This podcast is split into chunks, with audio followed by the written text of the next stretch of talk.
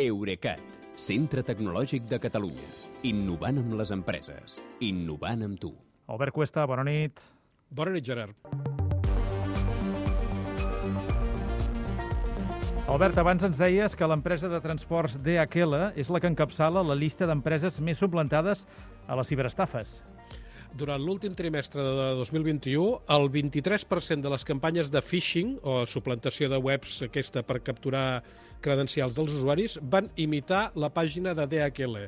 Això té tota la lògica del món perquè és l'època de l'any que més es compra per internet i, per tant, hi deu haver molts consumidors que esperen algun paquet i que poden fer més cas d'un missatge d'un transportista que conté un enllaç. Uh -huh. A la llista de les marques més suplantades que ha fet l'empresa Checkpoint de ciberseguretat, el segon lloc l'ocupen els serveis de Microsoft amb un 20% dels casos. I WhatsApp, que el trimestre anterior era la sisena marca més suplantada, ha pujat ara a la tercera posició amb un 11% dels intents de phishing. Al darrere hi ha Google amb un 10% i la xarxa prof social professional LinkedIn amb un 8%. Després hi venen Amazon, FedEx, Roblox, PayPal i Apple. Això a nivell global, eh?, del uh Mhm. -huh. planeta.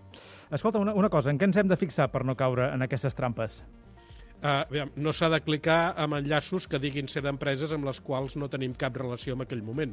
Però si ho acabem fent, el que hem de comprovar és que l'adreça de la web, la que surt a la barra de dalt del navegador, correspongui exactament amb el nom de domini de l'empresa que asseguren ser.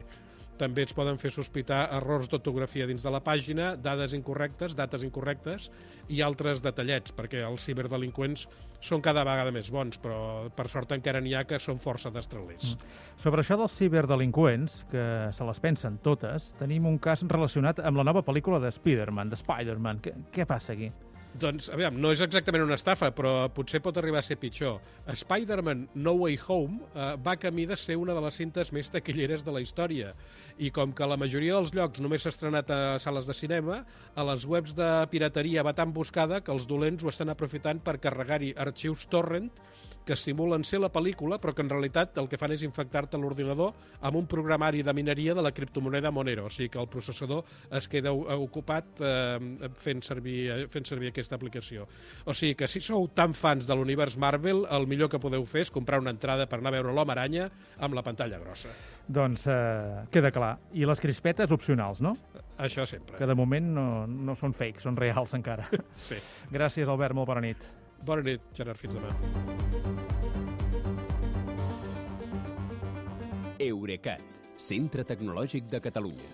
Innovant amb les empreses. Innovant amb tu.